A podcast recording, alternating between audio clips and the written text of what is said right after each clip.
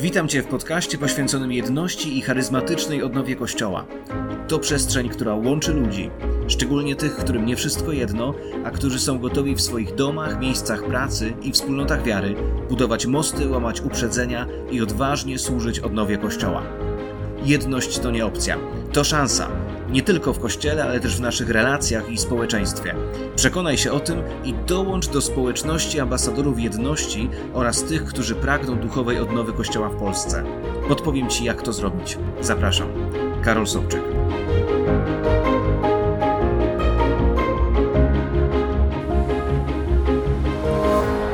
Ja naprawdę nie mam pojęcia, jak to się stało. Ale mamy już dzisiaj 20 odcinek podcastu Nie Wszystko Jedno. A więc mamy mały jubileusz, który wskazuje, że spotykamy się w ramach tych podcastów już od pełnych pięciu miesięcy. To znaczy pięć pełnych miesięcy każdego tygodnia, w każdy czwartek, poza dosłownie małymi wyjątkami, spotykaliśmy się wspólnie, aby razem rozmawiać o jedności. Staram się tak robić, aby co dziesiąty odcinek poświęcać pytaniom, które otrzymuję na moją skrzynkę mailową. I tak właśnie zrobimy dzisiaj. Będę chciał odpowiedzieć na kilka pytań, które otrzymałem. Ten odcinek jest też doskonałą okazją do pewnych podsumowań, więc wykorzystam go, aby zrobić takie małe rezime. A jako, że jest to jubileuszowy odcinek, to nagrywam go troszkę inaczej niż zwykle, bo właśnie jest środowy wieczór, już dobrze po 23 i właśnie popijając herbatę, siedzę przy moim stole w mieszkaniu na dziewiątym piętrze i właśnie uruchomiłem rejestrator, aby móc ten odcinek nagrać dla Ciebie. I dziś chciałbym poświęcić ten odcinek, aby odpowiedzieć na pytanie Tomka. Tomek napisał do mnie z bardzo prostym pytaniem: Czy mógłbyś podzielić się tym, czym aktualnie żyjesz w odniesieniu do chrześcijańskiej jedności? Dzięki Tomku za to pytanie. To jest bardzo osobiste, ale też z przyjemnością się podzielę tym, co mam obecnie w sercu i tym, co noszę na co dzień, co przeżywam na co dzień, co jest bliskie moim myślom. Przy okazji, nagrywając ten podcast, odkryję parę smaczków. Opowiem o kilku rzeczach, o których jeszcze do tej pory nie mówiłem, a które tyczą się projektu Nie Wszystko Jedno. Także wierzę, że będzie to bardzo ciekawy temat, bardzo ciekawy odcinek. A zatem, Tomku, kiedy pytasz, czym żyję aktualnie w odniesieniu do jedności? Przede wszystkim żyję tą ostatnią rozmową z pastorem Edwardem Ćwierzem. Od deski do deski odsłuchało ją ponad tysiąc osób, nie licząc w ogóle tych, którzy odsłuchali jakąś jej krótszą bądź dłuższą część. Jest to też niewątpliwie odcinek, po którym dostałem najwięcej feedbacku, najwięcej wiadomości zwrotnych. Do dzisiejszego dnia nie ma takiego dnia, czyli nie ma takich 24 godzin, podczas których nie dostałbym jakiejś wiadomości, telefonu, SMS-a, jakiejś informacji, która by mówiła o tym, w jaki sposób ten podcast wpłynął na czyjeś życie, albo uruchomił jakieś przemyślenia lub też potrzeby konkretnego działania dotyczącego jedności. Pastor Edward powiedział mi, że otrzymał wiele wiadomości od katolików, którzy pisali do niego, aby powiedzieć swoje przepraszam.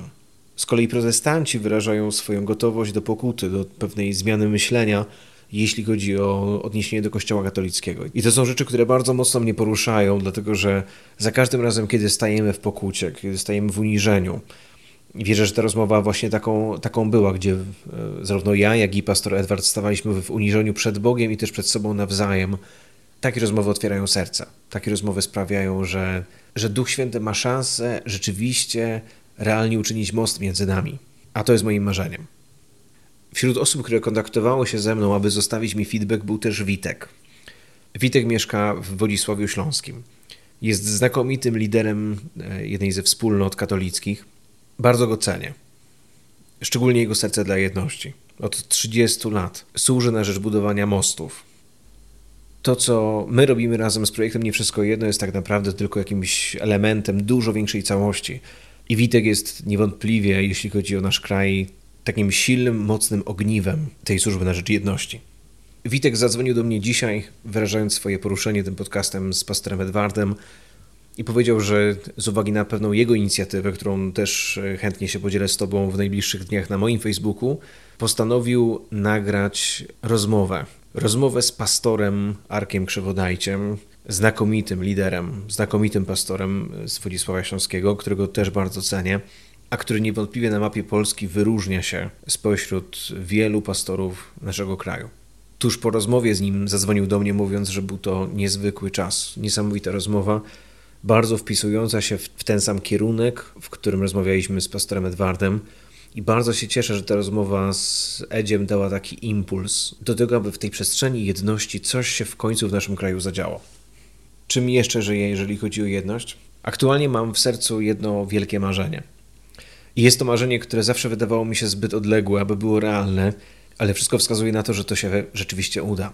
Wyobraź sobie spotkanie. Spotkanie liderów, księży, pastorów, biskupów, osób odpowiedzialnych we wspólnotach, odpowiedzialnych w kościele, którzy przychodzą na jedno wydarzenie, na wspólne wydarzenie dla przywódców, aby wspólnie uklęknąć przed Panem, oddać Mu pokłon, bez względu na denominację, bez względu na wyznanie, aby uniżyć się przed Nim i stanąć w pokucie za grzechy, które miały miejsce przeciwko jedności, aby stanąć w pokucie za grzechy, które wyrządziliśmy sobie nawzajem. I aby stanąć w przebaczeniu i w gotowości do pojednania. O takiej konferencji marzymy w naszej wspólnocie już od jakiegoś czasu. Podjęliśmy decyzję o tym, aby taką konferencję zrealizować w lutym 2021 roku, ale COVID ją zatrzymał. I podjęliśmy decyzję o jej przeniesieniu, przełożeniu na kolejny rok 2022 i obecnie jest ona zaplanowana na 10-12 lutego 2022. Naszym marzeniem jest to, aby tego dnia w jednym miejscu znalazły się osoby reprezentujące możliwie wszystkie części ciała Chrystusa, jakie są reprezentowane w naszym kraju. Dlatego wśród mówców tej konferencji zaprosiliśmy zarówno osoby z Kościoła Rzymskokatolickiego, jak i z Kościoła Zielonoświątkowego, jak i z wolnych kościołów ewangelicznych, jak i z Kościoła Prawosławnego. I co ważne, wszystkie one są ożywione przez nurt charyzmatyczny. Są częścią tego niezwykłego duchowego poruszenia, które zaczęło się na Azusa Street w 1906 roku. Obecnie prowadzę rozmowy z przedstawicielami różnych wspólnot, różnych kościołów, aby rozmawiać o tej konferencji i aby też wziąć pod uwagę możliwie jak najwięcej kontekstów, ponieważ wiesz, tego typu przedsięwzięcia są bardzo ważkie, są bardzo trudne, wymagają naprawdę dużej wrażliwości. Dlatego teraz modlę się o tą konferencję, by to przede wszystkim było możliwe i chciałbym Cię do tego zaprosić, bo zdaję sobie sprawę z tego, że tego typu przedsięwzięcie może mieć ogromne, kolosalne znaczenie, jeśli chodzi o współpracę chrześcijan w Polsce. Wierzę, że może być to moment przełomowy, moment kairos, moment, do którego będziemy wracać, tak jak wracamy dzisiaj do sali kongresowej, w której w 1991, a potem 1993 roku pojawił się Ralph Martin i John Wimber, ta konferencja zmieniła bardzo, bardzo wiele. I do dzisiejszego dnia pozostaje ona największą konferencją, która po II wojnie światowej zjednoczyła w jednym miejscu pastorów ewangelicznych i liderów katolickich w tak liczny sposób. I jak opowiadał mi Andrzej Sionek, kiedy ta konferencja trwała, wszyscy mieli wrażenie, że to rzeczywiście jest możliwe. Wszyscy zrozumieli, zdali sobie z tego sprawę, że ta współpraca, granie do wspólnej bramki, stawanie za sobą murem, bycie ze sobą na dobre i złe, że to naprawdę jest możliwe. Ale po 93 roku straciliśmy to. Utraciliśmy tą gotowość, tą wrażliwość na siebie nawzajem, tą otwartość, ten wymiar bliskości, wymiar braterstwa, poczucie rodziny i bardzo bym chciał, aby odwrócić ten niefortunny bieg zdarzeń. I wierzę, że to będzie ten moment. Wierzę, że to jest możliwe. I bardzo będę potrzebować w tym Twojej pomocy. O tym jeszcze na pewno opowiem w osobnym odcinku. Ale z pewnością będzie potrzeba dużo pomocy na różnych jej frontach, od wymiaru finansowego aż po wymiar bardzo praktyczny, przez e, wolontariat czy sprzęt, który będzie potrzebny, dlatego że będzie to konferencja na kilkaset osób, realizowana w Łodzi. Prawdopodobnie będzie to hala sportowa Politechniki Łódzkiej. I kluczem dla tego rodzaju konferencji jest możliwość osobistego spotkania. Dlatego modlę się o to, aby obostrzenia i te wszystkie rzeczy, które się dzieją w związku z COVID-em, nie utrudniły realizacji tego przedsięwzięcia. Czym jeszcze żyję aktualnie w odniesieniu do jedności? Żyję książką. Książką, którą piszę, piszę ją już od e, długiego czasu, bo od października 2018 roku, a zatem niedługo będzie 3 lata. Jest to książka, która w całości jest poświęcona zagadnieniu jedności, której celem jest to, aby w taki bardzo praktyczny sposób zmierzyć się z tym tematem, dotknąć tego tematu. Chodzi również o ukazanie tego, co już w tym temacie się dzieje, zarówno w naszym kraju, jak i w innych krajach Chodzi też o to, aby wiedzieć, w jaki sposób budować jedność, jak to robić, jak to czynić. Wierzę, że ta książka ukaże się jeszcze w tym roku lub na przełomie 21-22 i wierzę, że będzie ona takim dobrym, mocnym impulsem, dla kolejnego budowania nowych połączeń, nowych dróg i nowej jakości współpracy między ludźmi wierzącymi w Polsce. Czym jeszcze aktualnie żyję? Uchylę teraz rąbek tajemnicy.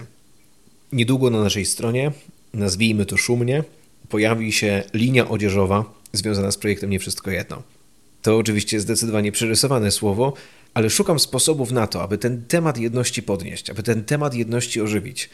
Dlatego, że wiesz, temat jedności jest naprawdę nieatrakcyjnym tematem. Mówiłem o tym w pierwszych podcastach. To jest rzeczywistość, którą naprawdę jest bardzo ciężko promować, bardzo jest ciężko ukazać jej właściwe znaczenie.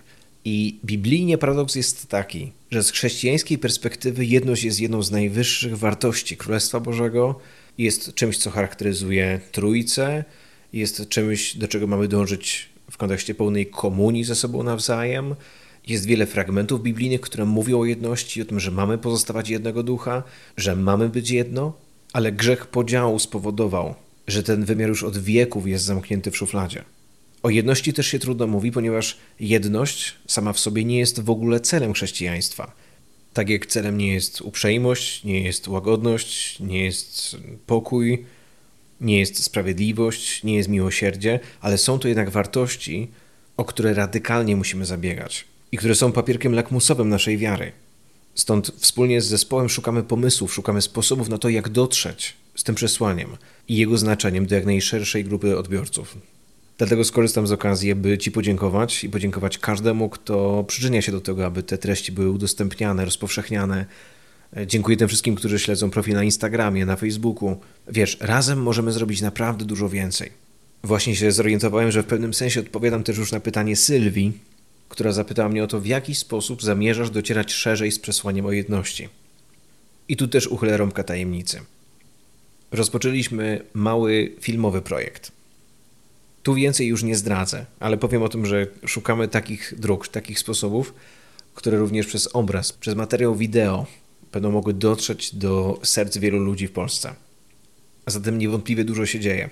Konferencja, książka, filmy, bluzy, podcastowe rozmowy, ale przede wszystkim, i chyba o tym właśnie powinienem powiedzieć więcej, równolegle z tymi rzeczami dzieje się wiele rzeczy podjętych przez ludzi, którzy dotychczas słuchali podcastów, kontaktowali się ze mną mailowo, albo sami po prostu podjęli w posłuszeństwie Duchowi Świętemu kroki na rzecz jedności. Na przykład kilka dni temu zadzwonił do mnie Patryk z Zielonej Góry, który słuchając podcastów podjął decyzję o tym, że spróbuje spotkać się z jednym z pastorów swojego miasta, aby spróbować zbudować z nim relację, która w przyszłości umożliwi wspólną służbę. I tak też się stało. Opisywał mi to spotkanie, mówiąc o tym, że przyjechał i na samym początku spotkał się z pewną dozą nieufności, ale w miarę postępowania rozmowy, w miarę tego, jak ta rozmowa się rozwijała, zarówno pastor nabrał do niego zaufania, jak i on do tego pastora jeszcze większego zaufania i razem mogli zakończyć ten, ten wspólny czas marzeniami o przyszłości, marzeniami o tym, co mogliby zrobić razem, w jaki sposób mogliby razem posługiwać. Wiesz, to nie jest normalne, że pewnego dnia ktoś budzi się rano i mówi: Pójdę do pastora, aby się z nim spotkać i zbudować z nim most relacji. Ale to się właśnie dzieje. Rozmawiałem ostatnio z jedną z osób, która działa na rzecz tego kursu Służebne Przywództwo, realizowanego przez Harris. I powiedziała mi, że największe zainteresowanie i najszerszy feedback który ukazuje, czym uczestnicy są naj, najgłębiej poruszeni. To jest e, feedback po nauczaniu pastora Joe Tosiniego, który właśnie mówi o jedności. Innym razem napisała Kasia, która w każdy czwartek podejmuje post w intencji jedności. I jeszcze innym razem zadzwonił Mariusz, który opisał mi, że ma pewien projekt w swoim sercu, ma pewne marzenie dotyczące rzeczywistości przywództwa, chciałby pewien projekt z tym związany zaadresować do liderów katolickich w naszym kraju, ale chciałby go zrobić właśnie w połączeniu, we współpracy z kościołami ewangelicznymi. Wiecie, te wszystkie rzeczy, te wszystkie pragnienia, modlitwy, postu, poświęcenia finansów, podjęcia konkretnych projektów, odwagi do spotkania lub też po prostu stanięcia w pokucie i prośby o przebaczenie za grzechy własnego kościoła, mojego kościoła czy Twojego kościoła, to są rzeczy, które wzbudza Duch Święty. To są rzeczy, które są ewidentnie przejawem Jego działania, Jego łaski w tym czasie. Tym bardziej cieszę się, że służąc w tym projekcie nie wszystko jedno, mogę do tej pracy dołożyć jeden mały kamyczek, którego Ty i ja stajemy się właśnie w tym momencie częścią. To wielki przywilej. A już za tydzień będę chciał Cię zaprosić na kolejną rozmowę. Będzie to Michał, którego żona jest protestantką. On jest katolikiem. I razem od kilku lat budują małżeństwo ekumeniczne.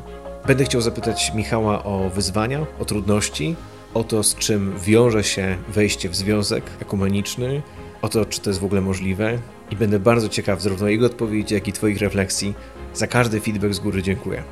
Na koniec przypomnę jeszcze naszą stronę internetową niewszystkojedno.pl. Tam na tej stronie znajdziesz zakładkę wsparcie, jeśli chciałbyś stać się częścią tych działań, a także zakładkę blog, jeśli chciałbyś poczytać trochę więcej o budowaniu jedności. A jeśli chciałbyś do mnie napisać, możesz to zrobić wysyłając maila na adres karolmopa.glosnapustyni.pl lub też wykorzystując media społecznościowe, czy to Facebooka, czy Instagrama. Usłyszymy się już w kolejny czwartek. Do usłyszenia. Zostań z Bogiem. Shalom.